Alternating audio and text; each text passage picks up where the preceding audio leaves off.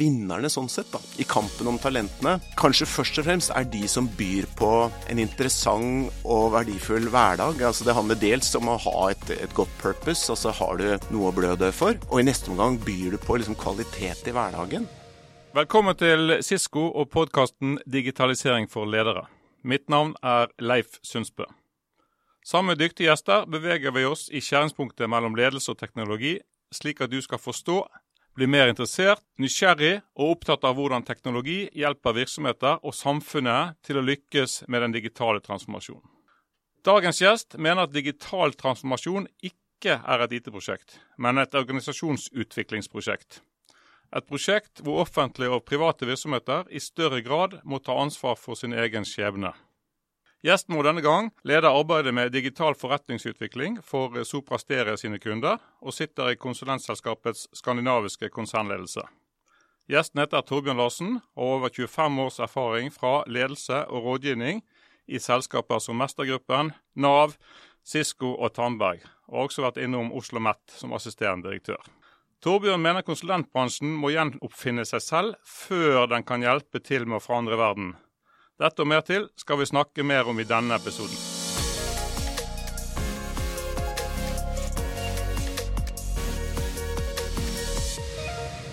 Velkommen til deg, Torbjørn. Tusen takk. Eh, takk for hyggelig invitasjon. Det er veldig, veldig kult å være her. Veldig hyggelig å ha deg her. Du begynte jo i Sopra Steria i august 2020. Det betyr at du byttet jobb midt under pandemien. Hvordan var det? Ja, nei, det, det var eh det var for så vidt eh, annerledes enn tidligere skifter jeg har gjort. Eh, vanskeligere å liksom komme i gang. Nå hadde jeg en del gode bekjente på innsiden, og det var en prosess som hadde gått eh, en stund. Så, så, noen relasjoner var bygget på forhånd. Men det er, eh, det er klart det var det en, Jeg har en periode som vi er i ferd med å legge bak oss nå, hvor det har vært vanskeligere å knytte liksom, nære bånd og bygge relasjoner. Det, det er ikke noe tvil om. Ja, og som du sier, nå er jo den eh, forhåpentligvis i hvert fall det meste av denne covid-perioden over. Og så hvis du tenker sånn, hva, hva, har vi i dine øyne lært, og hva tror du vil endre seg fremover eh, etter den lange lockdown, da? Å, det er et stort spørsmål. Jeg tenker vi har lært eh, mye på mange plan. Er liksom, det er jo ganske mange mennesker på denne kloden som virkelig ikke har liksom, opplevd eh, noe tilsvarende før i det hele tatt. Eh, den type dype eh, vidtrekkende sånn globale kriser. Så, så er, jeg tror kanskje vi, vi er blitt litt mer bevisste på liksom sårbarheten vår da, som, som individer, og, og, for så vidt også som samfunn. og Bedrifter har lært noe om lange forsyningskjeder, og liksom, eh, at de også kan bli litt for optimaliserte og sånn sett gå i stykker når plutselig ting ikke er som det pleier å være. Så jeg tipper det har gjort noe med liksom, risikoforståelsen vår. Og, og, og, så tenker jeg samtidig at um, det er en det har vært, altså Jeg tror ikke vi kommer tilbake igjen til den samme verden som, som, som var der før, før, covid traff oss. Det tror jeg ikke. Um, vi ble jo mer isolerte, og jeg tror det liksom på mange måter akselererte da, noen trender som jeg for min del liksom har, har, sett der en stund, og da, da er jeg inne på, på, området digitalisering. Dette krevde noe annet og noe mer av oss da, som virksomheter. Vi, vi måtte, det utløste en kreativitet. Og det utløste for så vidt så Det ene var at vi, vi, vi akselererte jo bruken av en del sånn samhandlingsverktøy og sånne ting. For meg er det liksom sånn table stakes, på en måte. Det er liksom eh, noe vi for lengst burde ha tatt i bruk hvis vi ikke hadde gjort det. Så, så det tenker jeg at der har alle på en måte hoppa, hoppa uti bassenget og lært seg å bruke disse verktøyene. da. Men bortenfor der så tror jeg nok også at, um, at det, det, krever noe mer av oss, da, som vi kanskje skal komme tilbake til. Men jeg, for meg så er jo liksom det er lett å ta i bruk IT til å gjøre det vi alltid har gjort. Litt fortere og litt billigere. og Det er ikke alltid at det har de store effektene. Det har vært litt vanskelig også å se effekten av digitalisering når man ikke faktisk tar inn over seg liksom det transformative potensialet. Så, en ting er å ta i bruk IT til sånn hverdagsting. Det neste er å begynne å se på hvordan kan jeg skape verdi på nye måter. Eh, hva gjør dette med forretningsmodellen min? Hva gjør jeg selv? Hva får jeg andre til å gjøre for meg? Og så altså det tror jeg også vi begynner å se konturene av nå, og det syns jeg er spennende. Altså den, den digitale transformasjonen, da. Det skal vi jo absolutt komme tilbake igjen til, eh, Torbjørn. Så, men sånn først, sånn, eh, som seg hører bør, så må jeg også spørre hva du legger i, i ordet digitalisering, nå, eller begrepet digital transformasjon. Ja, det er uh, vanskelig. Altså, det er jo et, uh, et begrep som har uh, forskjellig innhold for mange forskjellige. Jeg, jeg, er veldig opptatt av at dette For meg er ikke digitalisering et IT-prosjekt, først og fremst. Det er et, som, som, du var inne på i innledningen også, et, et, det handler egentlig om, om dypest sett om virksomhetsutvikling.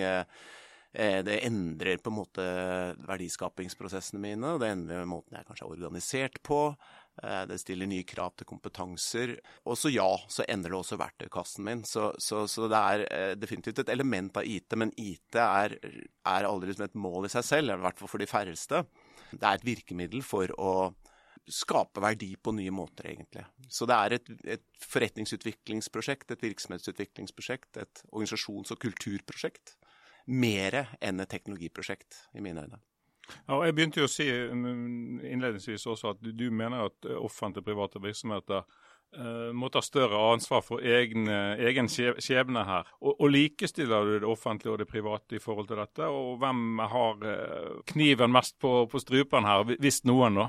Jeg syns vi gjør for mye ut av forskjellen på offentlig og privat verdiskaping innimellom. Jeg, det er klart Offentlige virksomheter er veldig sjeldent liksom profittmaksimerende virksomheter, men de driver med verdiskaping og, og er, i eh, min erfaring, liksom like opptatt av å skape god og, og best mulig verdi for, for, for, den innsatsen de har. Så, så, så, så, hvis man tar et verdiskapingsperspektiv på virksomheter, så blir forskjellen mindre mellom private og offentlige. Eh, jeg tenker jo at det som IT har på en måte vært her veldig lenge. Det, det begynner å bli 50-60 år siden den første e-posten gikk over forløperen til internett, ARPANettet. Så, så, så, så, den teknologien har vært der lenge og har på en måte gått ifra å være en, en, en blyant eller som noe som ikke var så viktig for mange, til å bli et sånt nødvendig onde. Eh, det er vanskelig å drive virksomheter i dag uten å i hvert fall liksom, ha disse IT-greiene på plass til at det nå begynner å bli liksom livsviktig. Jeg tenker at eh, informasjonsteknologi, er på en måte blitt en del av nervesystemet til eh, de fleste virksomheter. Så det, så det er en ganske viktig. Det er vanskelig å ikke ha et strategisk forhold til IT om dagen. Og så har måten man jobber med det på, endret seg ganske dypt. Dette eh, har lenge vært liksom et sånn skippertak vi har tatt i ny og ne, mens man begynner å se konturene av helt andre og mer liksom kontinuerlige måter å jobbe med det på. Altså Dette er blitt en kontinuerlig lærings- og utviklingsprosess. og Det gjør noe med hvordan vi organiserer oss da rundt uh, IT-utvikling. Uh, må ta uh, litt større grad. Dette er liksom noe vi driver med i hverdagen. Det er ikke et skippertak hvert tredje, fjerde, femte år. Og det, det endrer egentlig ja, måten vi jobber med IT på på en ganske dyp måte, tror jeg. da. Så det bør være en naturlig del av agendaen til eh, alle virksomheter, egentlig? Det er det du sier? Ja, altså jeg, jeg tror jo at disse lærende organisasjonene som vi har lest om, eh, og noen har forsket på liksom lenge, det er i ferd med å materialisere seg da i stadig flere industrier. Og, og, og det er ikke IT-utviklingen alene, men det å kontinuerlig jobbe med å, å, å utvikle og forbedre liksom praksisen sin, verdiskapingen sin. Bli litt bedre i alle ledd uh, hver dag. Og det innebærer også da å forbedre IT-verktøyene, og for så vidt den innsikten vi kan trekke ut av digitale data også. Og, og det, er ikke, det, er som sagt ikke et skippertak, det er noe du jobber med hver dag.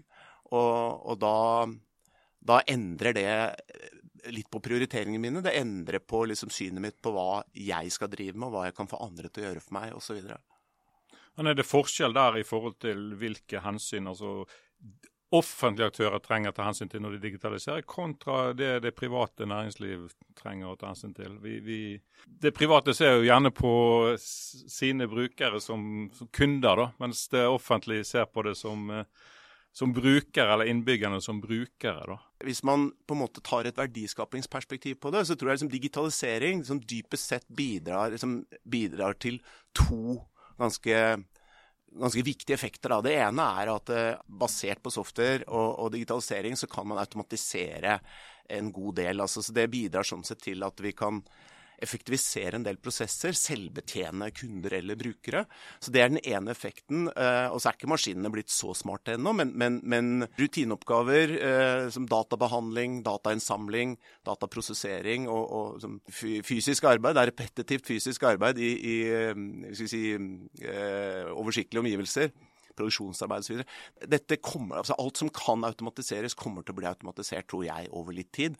Og det tror jeg ikke det er så stor forskjell på selvbetjening av en kunde i en bank eller selvbetjening av en Nav-bruker. Den andre effekten av digitalisering, eh, slik jeg ser det i hvert fall, handler om den innsikten vi kan trekke ut av, det, av dataene som, som, de digitale verktøyene produserer. Og den innsikten, når vi har liksom tatt ut eff effektiviserings- eller automatiseringspotensialet, så handler den innsikten om å gjøre en større forskjell. Altså ved å gjøre mer av det som virker for den enkelte. For dypest sett, enten vi er brukere av offentlige tjenester eller kunder i det private, så er vi unike individer.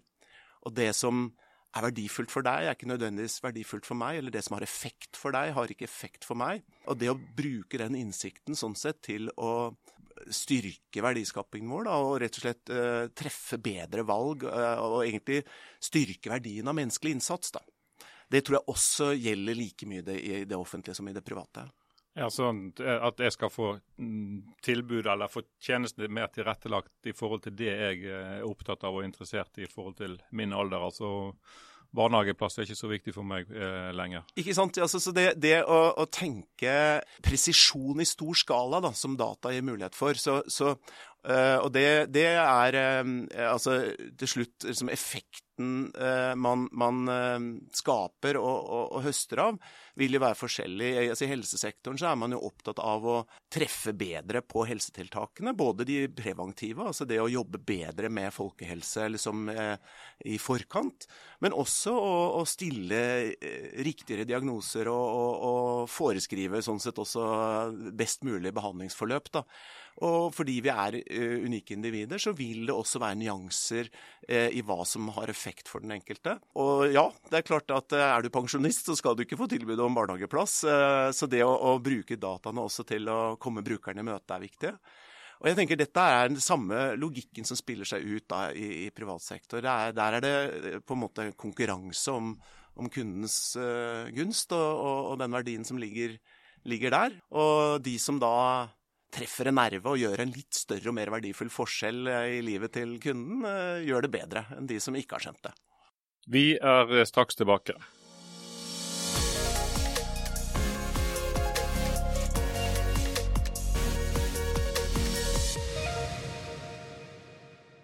Eh, siden du jobber der du jobber, Torbjørn, så har, det jo, har det jo vært en del spørsmål rundt konsulenter og bruk av konsulenter i det offentlige.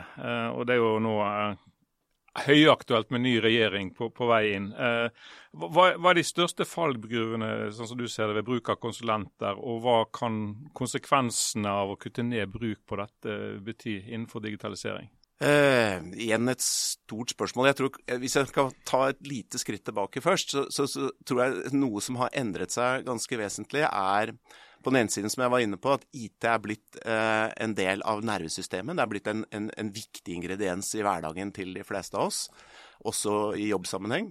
Eh, men samtidig så har også måten å jobbe med IT og digitalisering på har endret seg fra et skippertak eh, med ganske ujevne mellomrom til en kontinuerlig innsats. Så det handler litt om softwarens natur, egentlig. Software for meg er, kan sammenlignes litt med, med, med, skrevne ord, egentlig. Dette er eh, akkurat som en, en, tekst kan endre seg hele tiden, avhengig av, av ja, hva man har lyst til å skrive om, så, så, kan også software endres kontinuerlig. Så den forestillingen vi har hatt om organisasjonene våre som ganske sånn stabile produksjonsvirksomheter. Litt sånn brutalt eh, sagt liksom kjøttmaskiner, på en måte, som skal fungere forutsigbart og stabilt, og, og gjerne være litt effektive også. Og så når vi da skal forandre på noe, så gjør vi det med et, med et større eller mindre prosjekt eller et moderniseringsprogram, sånn veldig sjeldent. Det gjelder ikke for, for IT-utvikling og digitalisering. Og jeg tror eh, så lenge vi tenkte på den første måten, så, så var det ingen virksomheter som var rigget for, for de store skippertakene. Du var på en måte rigget for å drive jevn og, og stabil og forutsigbar produksjon. Så når du skulle gjøre en større endring, utvikle nye løsninger, ny praksis, så måtte du få ekstern bistand i ganske stor grad. Så dette føler jeg som de siste 10-15 årene har skapt en enorm vekst. Altså konsulenter IT-bransjen i stort, da ser vi på rådgivning langt utover IT-rådgivning, vokste jo fra 100 til 200 milliarder i Norge i perioden ja, 2007 til 2017, tror jeg det var. En sånn Abelia kom ut med en rapport om dette for noen år siden. Så de var bokstavelig talt vekstvinneren i norsk arbeidsliv i, i det tiåret. Og kanskje ikke helt overraskende så var også offentlig sektor ganske ekspansiv i den samme perioden. Og det handlet litt om de store digitaliseringsprosjektene og, og den symbiosen man så der da, mellom ekstern bistand og, og store utviklingsprogrammer. Dette endrer seg nå. Eh, og når dette liksom ikke lenger er et skippertak, men en kontinuerlig innsats, så er det ikke lenger regningssvarende å være eh, like outsourcet som man var tidligere. Og den trenden ser vi ganske tydelig. Det er stadig flere virksomheter som blir opptatt av å bygge mer ekspertise også på innsiden av virksomheten sin. Og Det tror jeg er viktig, dels fordi du må ha peiling for å kjøpe peiling, som jeg pleier å si. Det, er, eh, det, tror jeg gjør deg til en bedre kjøper. Du skjønner også mer av hva som skjer fremover. Og så tror jeg det er noe med, med at liksom, læringen blir i større grad igjen i egen virksomhet. Da. Og dette må konsulent bransjen også ta inn over seg, tenker jeg. Er, eh, den er ikke fritatt for, for transformasjon, den heller. Nei, og, og Da er vi jo tilbake til et eh, stadig tilbakevendende eh, spørsmål, eller en utfordring også. og Det går jo på, på kompetansebiten. da, Å mm. få tak i nok kompetanse. Nå så jeg Abelia var ute med rapport her at innenfor teknologi- og kunnskapsvirksomheter så er det 39 av, av virksomhetene får ikke tak i kompetansen de har søkt etter det siste året. Og enda større innenfor offentlig virksomhet. Det var jo 72% da, i forhold til ifra, og det er tall fra Statistisk sentralbyrå. Da. Hvordan skal vi klare å få, få nok kompetanse til at vi faktisk klarer å, å, holde den utviklingstakten som du beskriver her? Det er liten tvil om at det er eh, stort behov da, for, for, digitaliseringskompetanse. Så tenker jeg det handler om mer enn hardcore på en måte programmeringskompetanse. Designkompetanse er jo veldig etterspurt. Men jeg tror også den gode produktledelsen, altså den gode ledelsen av liksom, eh, et utviklingsarbeid over tid, eh, det å å sitte eh, i et produktteam og, og sånn sett eh, kontinuerlig prioritere og sikre at man på en måte er så verdiskapende som mulig. Eh, men også ledelseskompetanse rundt hvordan å drive godt digitaliseringsarbeid og hvordan å drive omstillingsarbeid. Så dette, er, dette utfordrer liksom kompetansene våre på mange plan. Da. Og så tenker jeg at det ene er at man selvsagt må satse på å utdanne flere, men, men um, Det tar litt tid? Det tar litt tid, det gjør det. Og, og, og jeg, det jeg observerer om dagen, da, det er jo at eh, nettopp fordi at den gode måten å jobbe med dette på har endret seg ganske, ganske dypt, så er det en litt sånn ubalanse på en måte i arbeidsmarkedet. Det er litt langt mellom de virksomhetene som byr på de interessante hverdagene da, for den kompetansen som er der, og jeg vil faktisk også dra så langt som til å si at det er, det er, også langt mellom de tjenesteleverandørene som på en måte har tatt inn over seg dette skiftet, og sånn sett byr på relevante arbeidshverdager og gode læringsmuligheter. Så jeg syns jeg observerer at det er en del dyktige folk som er i spill om dagen. Eh, flakker litt med blikket og, strever litt med å finne da en god arena å jobbe på. Mange velger kanskje å, å jobbe for seg selv, eh, eller å starte nye selskaper også. Så det er, det er et sånt skifte i, i, arbeidsmarkedet rundt dette. Og, og, jeg tror at vinnerne sånn sett, da, i kampen om talentene, kanskje først og fremst er de som byr på en interessant og verdifull hverdag. Altså Det handler dels om å ha et, et, et godt purpose, altså har du noe å blø dø for. Og i neste omgang byr du på liksom kvalitet i hverdagen. Får jeg lov til å jobbe med andre gode kollegaer, ikke bare innenfor den profesjonen min. altså Dyktige utviklere ønsker å sitte tett på brukere. Eh, får jeg lov til å jobbe med de gode teknologiene? Hvilket forhold har man til bruk av sky, f.eks.? Så, så, og så er selvsagt også lønnsvilkår viktig, men det er, det er, alltid noen som kan betale mer. Så jeg tror det er ganske viktig om dagen, eh, uansett hvilken side av arbeidslivet man er på, så er det ganske viktig å ta inn over seg på en måte hva disse dyktige talentene er opptatt av. Da. Kan det også ha sammenheng med at vi, vi, tenker for tradisjonelt, og at vi bestiller et oppdrag innenfor en ramme, og så kommer det noen og løser det oppdraget innenfor den rammen, og så er en ferdig. Altså, det, er lite rom for uh, innovasjon og nytenking i en, i en, sånn sammenheng. Da. Og for det at som kunde så vil jo jeg ha lavest mulig kost, sannsynligvis ved bruk av eh, konsulenter, i hvert fall. Og, og som konsulent så vil du sannsynligvis eh, ha flest mulig timer eh, gjennomført. Da. Det er klart at eh, igjen tilbake til altså, den tiden hvor man, hvor man, styrte opp store satsinger, store prosjekter osv., så, videre, så, så så skapte jo det også voldsomt som kapasitetsbehov. Så det er klart at mange har bygget seg opp for å, for å være der og kunne betjene disse, disse ganske omfattende innsatsene da, over lang tid. Og det har også preget liksom, innkjøpsordningene. Man har liksom finansiert opp store satsinger som har krevd eh, omfattende planlegging og, og konseptutredninger osv. Og, og, og man har liksom låst seg til radaren, eh, eller låst seg til målet over, over mange år. Dette endrer seg nå. Jeg, jeg tror at uh, tiden for liksom volumsalg av timer er, er på hell, har vært det lenge. Fordi liksom den, den, gode måten å jobbe med digitalisering på er liksom kontinuerlig læring, utvikling og forbedring fra dag til dag. Og det er liksom litt uavhengig av om ressursene på en måte jobber på innsiden eller utsiden av virksomheten. Det endrer ikke på liksom den tyngdeloven at dette er noe jeg må, jeg må lære meg å eksperimentere og lære raskt. Og bygge og levere kanskje i liten skala først. Prøve og feile litt, og så skalere det. Og, og, og du blir heller aldri ferdig med det du har laget. Så du skal kontinuerlig på en måte videreutvikle det også. Og, hvis det er sånn suksess ser ut, så må man forholde seg til det, enten man da er en virksomhet som prøver å bygge opp et eget eh, internmiljø, eller man er en tjenesteleverandør. Og Det betyr at man kan ikke i samme grad liksom frontloade store ressurser eller å, eh, å liksom, låse også store ressurser til et mål som er fastlagt i noen plandokumenter for flere år siden. Man må bli mer liksom, kontinuerlig innovativ. da. Ja, altså det, Vi ser vel at endringstakten eh, blir bare høyere og høyere. og det, det, stiller jo også krav til både ledelse og, og eh, de som skal gjennomføre dette. Da. Så Det er jo en, en utfordring å holde tritt med dette eh, fremover også, da? Absolutt. Og, du kan si en ganske lang og dyp trend er jo, er jo nettopp det at liksom, uforutsigbarheten er blitt større. Altså Det er vanskeligere for en virksomhet i dag å vite på en måte hva som er riktig å gjøre liksom langt inn i fremtiden. Og det handler ikke bare om at teknologi eh, utvikler seg raskere. Jeg tenker Innimellom så, så overdriver vi kanskje nesten det litt. De er ikke blitt så smarte, disse maskinene. Men det er klart det skjer mye på den teknologiske siden. Så det er nye muligheter for verdiskaping som ligger i ny teknologi. Men, men så tar vi også bruk dette på hjemmebane. Altså Vi som kunder og brukere, vi, vi, vi har forventninger da, om personlig service. Vi har forventninger om selvbetjening. Så, så, kundene eller brukernes forventninger endrer seg også raskere, og det utgjør jo en mulighet, men også en utfordring for noen. Og så forteller dataene, for de av oss som begynner å tappe inn i det, forteller oss også at uh, one size does not fit all. ikke sant? Det er uh, mangfold og nyansering og differensiering lønner seg. Så alle disse, disse endringene legger seg oppå hverandre og blir til en voldsom uforutsigbarhet. Og da må virksomheter jobbe med læringsevnen sin, faktisk. De må lære seg, de må liksom lære seg å eksperimentere og lirke og lure og lære ting på plass mye raskere.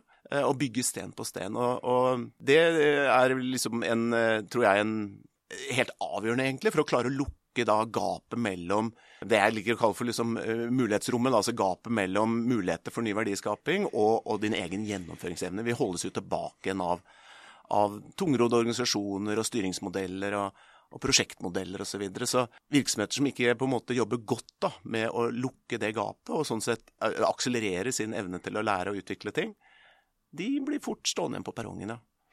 Ja, for det er jo som du sier, det er jo brukerne som, som i mye større grad bestemmer. Og, det er jo ting som en også tar med seg inn i jobbhverdagen. da. Ja. Absolutt. Det er, eh, det er, en sånn interessant refleksjon innimellom. at Jeg pleier å si at eh, barna mine hadde jo en mye mer interessant eh, verktøykasse på hjemmebane, og et mye mer offensivt liksom, forhold til, til, digitale løsninger og, og, og tjenester og, og, teknologier der, enn en det som møtte dem på skolen. Eh, og tilsvarende jeg også. Jeg, jeg, jeg har jo på en måte opplevd å komme til til, eh, til eh, bl.a. offentlig sektor da, og til en hverdag og en verktøykasse som var skikkelig akterutseilt. Så skal man i dag både være verdiskapende for brukerne sine, men også være et attraktivt sted for, for de talentene du trenger å tiltrekke deg, så, så, må man sørge for å by på en hverdag som da er liksom relevant, da, som treffer en nerve hos oss. Da. Det kommer til å kjennetegne liksom vinnerne fremover, er de som tar inn over seg disse, disse endringene. Ja, Det blir jo en utfordring for ledere i, som jeg si, er på, vår, på vår alder, da, som skal tiltrekke seg den neste generasjonen som er 25 år og som er vokst opp med, med TikTok og Snap og alle de verktøyene der da, som de forventer kanskje å kunne bruke også i, i jobbsituasjoner. Absolutt. Og jeg tenker dette er jo en av de store eh, skal vi si, hindrene da, som man skal på en måte jobbe seg litt gjennom når man jobber med denne type omstilling, er jo at uh, i en hverdag der liksom rutineoppgavene blir på en måte sakte, men sikkert digitalisert og automatisert bort. Og da står du igjen med mer Det er jo fortsatt masse eh, rom for verdiskaping eh, som menneske til menneske. Så jeg, eh, jeg, tror på ingen måte at vi går tom for, for, for oppgaver å gå løs på som, eh, som, som, krever menneskelig innsats. Det er masse verdi i møtet mellom mennesker, men det kommer til å handle om mer kreativ problemløsning, tror jeg, og, og, og, og kreativ som samhandling. Eh, avansert kommunikasjon eh, oss imellom i teamet, og kanskje også med målgruppene vi, vi, vi jobber med og for. Og, da må virksomheter på en måte også jobbe med å skal si, skape kultur for den type jobbing. Altså jeg tenker at eh, de, altså Alle virksomheter i dag bør ta inn over seg at de, de må, må ha en identitet som handler om at vi er en en, en tillitsbasert kompetansevirksomhet. Da. Kompetansen vår er ferskvare, så må vi, liksom, vi, må, vi må kontinuerlig lære å utvikle kompetansen vår. Og vi må ha tillit til at når vi har liksom satt et fokus og mobilisert en, et team på det målet, så må vi ha tillit til at de faktisk best vet hvilken vei som, som er smart å ta fremover. Og der blir mange ledere utfordra, utvilsomt. Eh, I en hverdag der virksomhetene våre var litt sånn stabile produksjonsvirksomheter, så, så, så har vi også utvikla en, en, mye mer sånn kontrollerende ledelse på mange måter. Vi la kanskje omfattende planer, og så når de først var lagt, så har ledelse handla mye om å, om å, sikre at liksom eh, maskinen går jevnt, og at liksom planene blir fulgt og osv. Og, og, en sjelden gang ja, bryte inn når, når, ting ikke går som planlagt. Mens i denne type nye tillitsbaserte kompetansevirksomheter så, så handler ledelse om noe annet, tror jeg. Eh, jobbe mer med hva som ligger rundt neste sving. Eh, liksom, eh, hvilken nordstjerne er det vi innretter oss på som virksomhet, og, og hva betyr det for dette området her? Sånn at man sikrer For det er jo ikke hjemme alene-fest man inviterer til i disse eh, virksomhetene. Du, du, ønsker å mobilisere førstelinja di. Eh, og de der autonome teamene blir viktige. Altså det å, å, sette folk i stand til å gå rett på mål. Men de trenger en strategisk kontekst. De trenger en, en Nordstjerne, og de trenger tydelige bestillinger. Og, og, annen, og, og deretter så trenger de motivasjon og, tilrettelegging, egentlig. Og det er en helt annen type ledelse enn en, en det vi kommer fra, tror jeg. Oppfatter du at eh, dagens ledere er, er skodd for den type utfordring?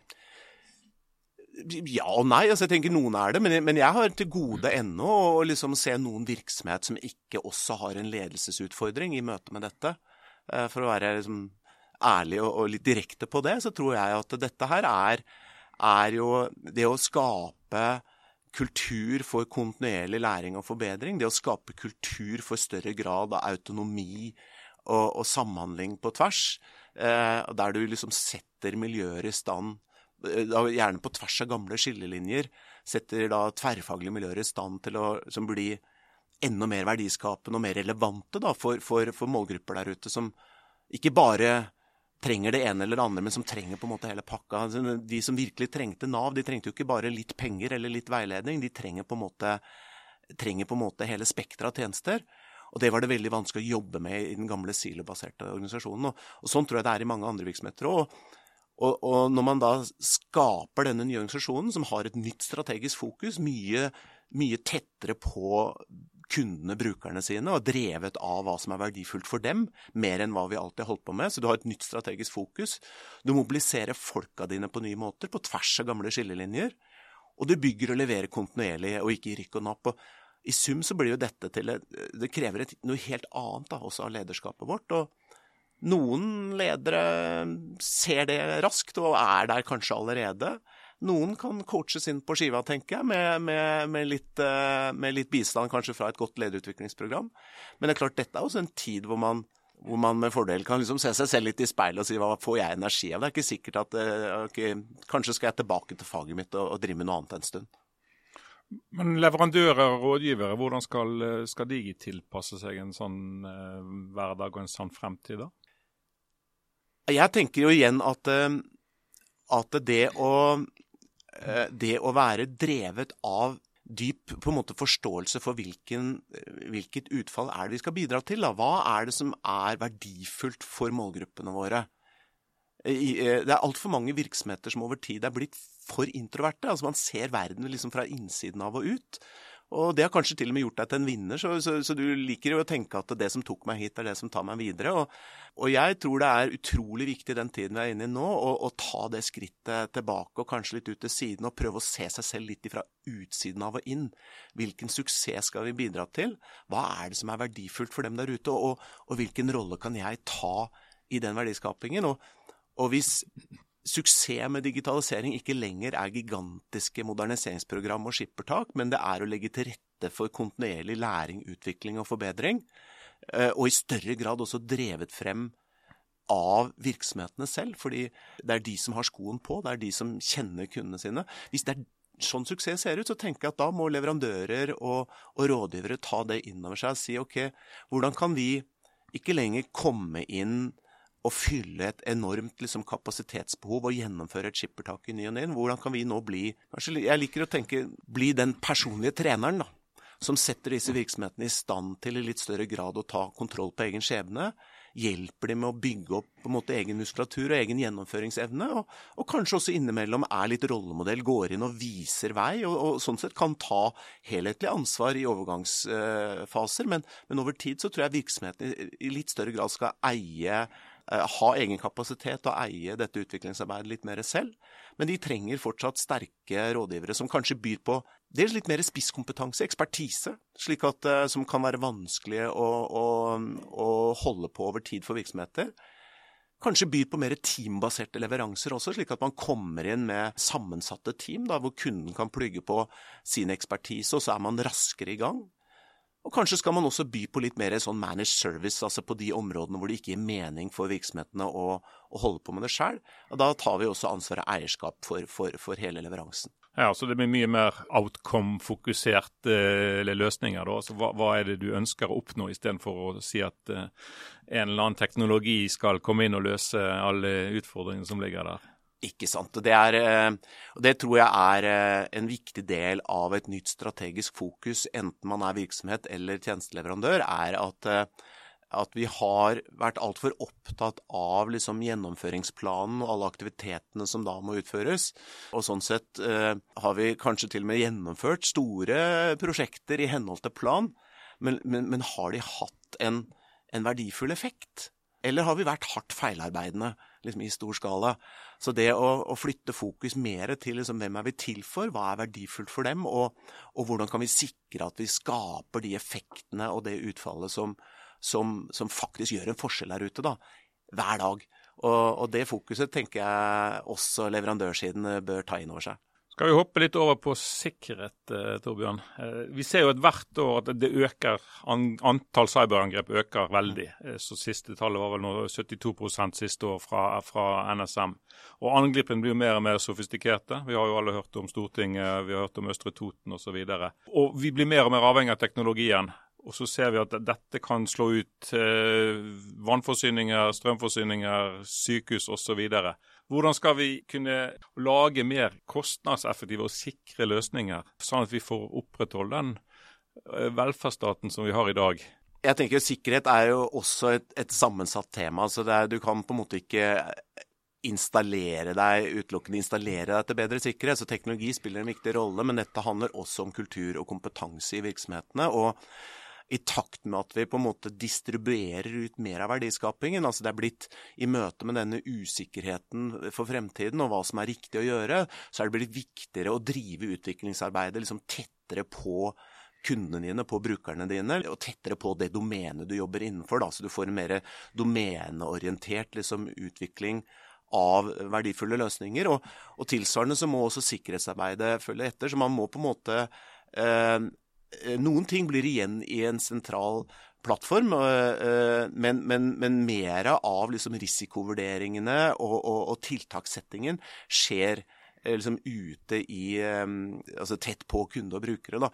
Så jeg tenker på den ene siden så er det viktig at, at virksomheter bygger opp både en, en, en risikoforståelse, en vurderingsevne og, og liksom tilstrekkelig kompetanse, eventuelt da kjøper inn den, til å ivareta det som skal ivaretas liksom ute i felt. Og så tror jo jeg at eh, nettopp i møte med, med stadig mer avanserte liksom, innfallsvinkler, og, og for så vidt også det at vi tar i bruk mer og mer avansert teknologi, så tenker jeg det er vanskelig å komme utenom at, eh, at disse, altså disse, infrastrukturene og disse plattformene vi bygger på, de begynner nå å bli såpass komplekse, og sikringen av dem også begynner å bli såpass kompleks. Dette er jo ikke lenger bare spørsmål om å, om å ha kontroll på firewallene dine. Det er, dette er liksom blitt avanserte AI-baserte analyser også. Det å drive på en måte behavioral analytics da, på nettverkstrafikk osv. Det å, forstå liksom, er det noe gærent på gang her, og kanskje ta tak i det før det spinner ut av kontroll, det, det er ikke for hvem som helst lenger. Så jeg personlig er ganske bull også på bruk av sky. Jeg tror at eh, det er vanskelig å komme utenom eh, de store profesjonelle tjenesteleverandørene der sånn, hvis du ønsker å ha en sikker operasjon i bånn. Det var også noe av grunnlaget for at vi i Nav la en ganske offensiv skystrategi, bl.a. pga. sikkerhet. Men det krever da også en moderne arkitekturtenkning. Så vi la til grunn en type zero trust-arkitekturtenkning, der du på en måte må forutsette at du allerede er under angrep, og, og, og sånn sett ha en mulighet til å, til å ta tak i, i, i, det uansett hvor det måtte oppstå. Låse det ned og håndtere det. Så en zero trust-arkitekturtenkning, ende-til-ende-kryptering av data, kombinert da med å bygge eh, inn liksom eh, risikovurderinger eh, og, og, tiltakssetting og, og, og, sånn sett kultur og kompetanse i de lokale teamene. Så det er et stort spørsmål og sammensatt liksom svar, da. Ja, og, sky, og skydiskusjonen er jo uh, høyaktuell, eh, et høyaktuelt tema som går nå, spesielt innenfor for offentlig sektor. Da. Men du er altså tilhenger av uh, sky for offentlig sektor? Det er jeg faktisk absolutt. og rett og slett, Det er flere grunner til det. Det ene er som sagt at jeg tror både liksom kostnadseffektiv bruk av teknologi, altså den automatiseringsgraden som på en måte state of the art krever av deg, den er veldig vanskelig å levere på på egen kjøl under pulten til en, til en driftssjef.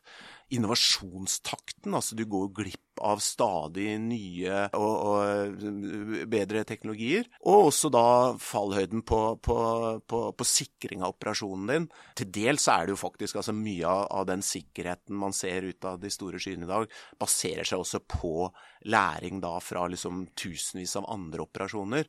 Som du, som, så, så, det er i sum som umulig å, oppnå den samme effekten på egen kjøl. Og jeg syns ofte at man og så er det jo selvsagt eh, noen vurderinger, risikovurderinger, eh, og selvsagt noen, noen eh, si, krav da, som man må stille til disse eksterne tjenesteleverandørene. Eh, og det må man gjøre. Eh, og Det handler både om å sikre at, man, at de har kontroll på, på dataene de da forvalter på våre vegne osv. Og, og, og noen ting skal ikke få lov til å flyte fritt rundt omkring i Europa eller, eller verden. Noen ting skal du vite hvor det er. Så det må man adressere. Men jeg syns ofte at man snakker for lite om alternativ risikoen ved å gjøre dette på egen kjøl. Det skulle jeg gjerne sett litt mer debatt om, fordi der tenker jeg fallhøyden fort blir mye, mye større. Og vi ser vel kanskje noen eksempler på det også nå om dagen. Det har vi absolutt eh, sett eksempler på. Det er jo, det er jo krevende øvelse å, å, navigere i dette farvannet da, sånn juridisk sett. Og Burde det offentlig tatt et større ansvar her, istedenfor å overlate dette til f.eks. hver eneste kommune og inngå avtale med en skyleverandør f.eks.?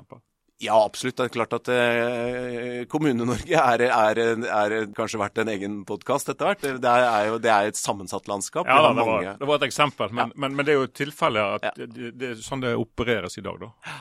Ja, nei, jeg tenker jo at, at eh, jeg tror vi trenger tydelige signaler fra det offentlige på liksom Eh, bygget igjen da på, på, på, på, en vurdering. altså Hvor er det verden går hen? Hva er det vi ser? Et, akkurat nå er vi også inne i en fase hvor det er klart vi eh, Jeg tror liksom når vi, eh, Nå er jo noen av oss begynt å bli så gamle at liksom, det er grenser for hvor langt frem i tid jeg kan hoppe, men liksom når vi om noen tiår, da 20-30, hva vet jeg, 40-50 år, når ungene mine begynner å, å, liksom, å nærme seg pensjonsalder, og ser tilbake på denne tiden, så er det klart det var mange barnesykdommer vi skulle jobbe oss igjennom. Det at vi tillater noen få private aktører å aggregere så enormt mye personsensitive data om oss selv, og, og tjene liksom, eventyrlige mengder penger på det, der tror jeg det kommer til å skje noe. Så det er noen ting vi skal jobbe oss igjennom, og det skal kanskje brytes opp litt. Og der går jo egentlig Europa litt foran resten av verden og, og, og setter nye standarder på det. Kanskje skal vi i litt større grad nasjonalisere noen av disse dataformuene våre igjen, da, og sånn sett sørge for at vi først og fremst nyttiggjør oss verdien av data på, på egen kjøl, og, og ha kontroll på det.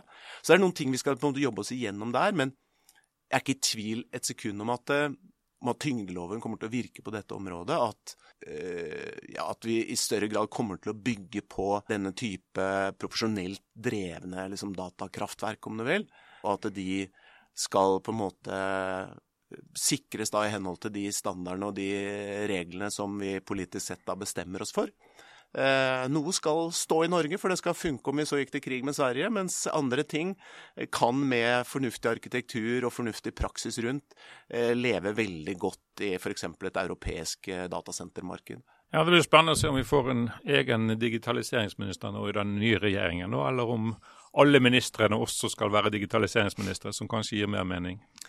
Ja, det er vel litt med digitalisering som med miljøvern der, tenker jeg. At, at, eh, kanskje må man ha litt sånn ekstraordinært fokus på det i en overgangsfase for å liksom virkelig få satt det på agendaen og bygge litt sånn bred forståelse. Men eh, det er klart at over tid så skal dette inn i alle ledd og i alle beslutningsprosesser, og sånn sett være eid av de andre departementene i større grad. Da. Så får vi se hvor offensive de tør å være, da. Hvis du skulle anbefalt eller satse på ett samfunnsprosjekt som virkelig kan, kan, fremme verdiskapningen, eh, hva ville du anbefale den nye regjeringen å, å starte med, da, eller prioritere? Ja, nå blir jo ikke jeg helt objektiv her, men jeg har jo lenge ment at i Nav så har Norge en mulighet til å gjøre noe verden ikke har sett før. Nav er en ganske unik konstruksjon sånn i offentlig sektorsammenheng. Altså, det er ikke noe land i verden som har samlet så mye offentlig sektor under ett tak som det, Nav, eh, som det Norge har gjort da i Nav. Altså, det finnes jo større offentlige etater ute i verden, men ikke etater som favner over så mange domener. Så, så, i Sverige må du besøke minst ti forskjellige offentlige etater for å, for å få det tjenestespekteret som da Nav utgjør. Og det, klart, det utgjør jo Lenge så, så man jo på dette som fusjonen fra, fra helvete, som, det, som var en VG-overskrift for en del år siden nå. Men nå begynner vi å se konturene av, et, av en veldig spennende og digitalt liksom velfungerende etat.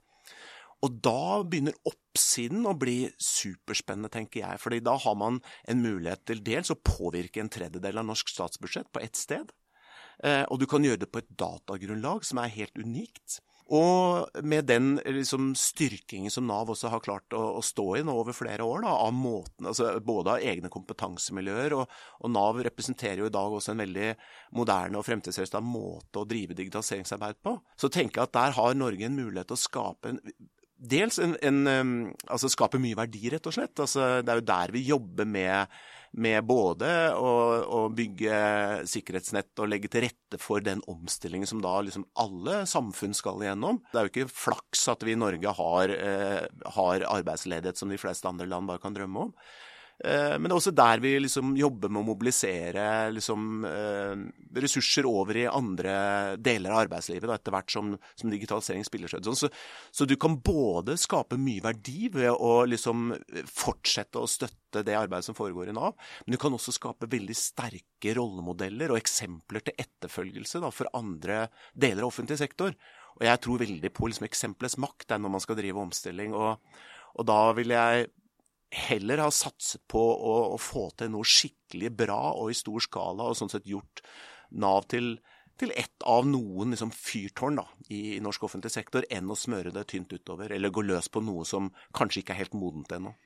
Ja, Det er jo ingen tvil om at Norge er langt fremme på digitalisering i offentlig sektor. Kan dette også bli en eksportvare, da? Som den nye oljen, for å bruke en eh, floskel? Ja, det er, eh, det er, eh, Jeg pleier å si at de, de, to av vekstvinnerne i norsk arbeidsliv de siste 10-15 årene er liksom rådgivning og offentlig sektor, og ingen av delene er eksporterbart. Og det er klart at Hvis vi skal ut av olje da, innen 2050, så skal vi faktisk, sånn på papiret i hvert fall, erstatte kanskje så mye som 500 milliarder kroner i årlige olje- og gassinntekter med noe annet. Så liksom, hva kan Norge da utvikle og selge til verden, som er verdt 500 milliarder i året. Og, og, der tror jeg du skal slite litt med å eksportere både konsulenter og, og, og for så vidt eh, saksbehandlere. Men altså et velfungerende en, altså, som, som, et av verdens beste velferdssamfunn, altså er det klart at det, det gir oss et konkurransefortrinn på andre måter. Vi er faktisk et kult land i verden for dyktige talenter. Så vi tiltrekker oss jo mye, mye, kompetanse og kapasitet på den måten. Og jeg tror at Norge og norsk offentlig sektor, ikke minst, norsk offentlig forvaltning, bør ha en ambisjon om å vise vei på en måte i en verden som trenger på en måte ny politikk og nye ordninger. Da. Fordi det er fort gjort å bli litt pessimistisk når man ser ut over Norge og ser på de ubalansene og de forskjellene og den uroen som vokser frem der. Eh, og sånn sett så kan det godt være at, eh, at eh, ordninger, plattformer, for så vidt også politikk og, og, og, regelverk har overføringsverdi også til andre samfunn, og at vi kanskje eksporterer vi dette, eller, eller gjør jobben. At vi blir en tjenesteleverandør for, for andre land i Europa. Før vi avslutter, avslutter helt, uh, har du noen tips til en god bok eller en dokumentar eller en podkast du vil anbefale til, til lytterne, i tillegg til digitalisering for ledere, selvfølgelig? Å, oh, du, jeg øh, Ja, hvor skal jeg starte den der, egentlig? Jeg, jeg, leser dessverre for lite bøker om dagen. Det blir for mye faglitteratur og, og artikler, så jeg er, jeg er, definitivt en lesehest, men den blir litt for langt mellom de skjønnlitterære opplevelsene. Nei, jeg, jeg for, for, å starte på nerdesiden, så er jo jeg en, en, ivrig leser av type State of DevOps reports, og, og, og, det er jo også oppsummert i en, en veldig god fagbok som heter Accelerate, som er en en sånn must read for, eh, for, eh, folk som er opptatt av moderne, moderne utviklingsarbeid. I hvert fall og hvordan å legge til rette for, for kontinuerlig eh, utvikling. Jeg, jeg, begynner å bli litt ferdig med det, men jeg har hatt stor glede av å, å lytte meg opp på Lex Friedman sin podkast, MIT-kar som, som, har hatt mange bra bra innslag eh, på, på AI-fronten, egentlig. Så, så, så syns jeg det har vært ganske nyttig. Men eh, han begynner å, å, komme litt over toppen. Han har produsert i mange år nå, så litt sånn uh, dødgang der. Men de første årgangene der er superbra i forhold til å komme à jour på liksom AI, eh, maskinlæring, liksom, hva er hype, og, og, hva går det an å tro på? Så det syns jeg har vært en ganske kul podkast å følge. Hatt stor glede egentlig av å følge eh, McKinsey har en sånn serie som kalles Forward, Forward, Thinking, som egentlig igjen bygger på deres forskningsarbeid rundt the future of work. Men jeg syns det har vært ganske interessant nå i det siste å se liksom var, for det, vært, det, er fortsatt mye hype og mye ubegrunnet. Også frykt rundt liksom, disse maskinene og robotene og kunstig intelligens og hva kommer det til å gjøre med oss. Det er ikke sånn at verden endrer seg radikalt over natta, men, men det er noen ganske betydelige effekter som ligger og venter på oss over de neste 5-10-15-20 årene. Og det syns jeg de har snakket veldig bra om og, og beskriver ganske godt i sitt forskningsarbeid. Da. Tusen takk til Torbjørn, og tusen takk for at du lyttet til oss. Eh, denne episoden ble spilt inn 12.10. Og For at du skal være sikker på at du får med deg den neste episoden og øvrige episoder, så bør du abonnere nå.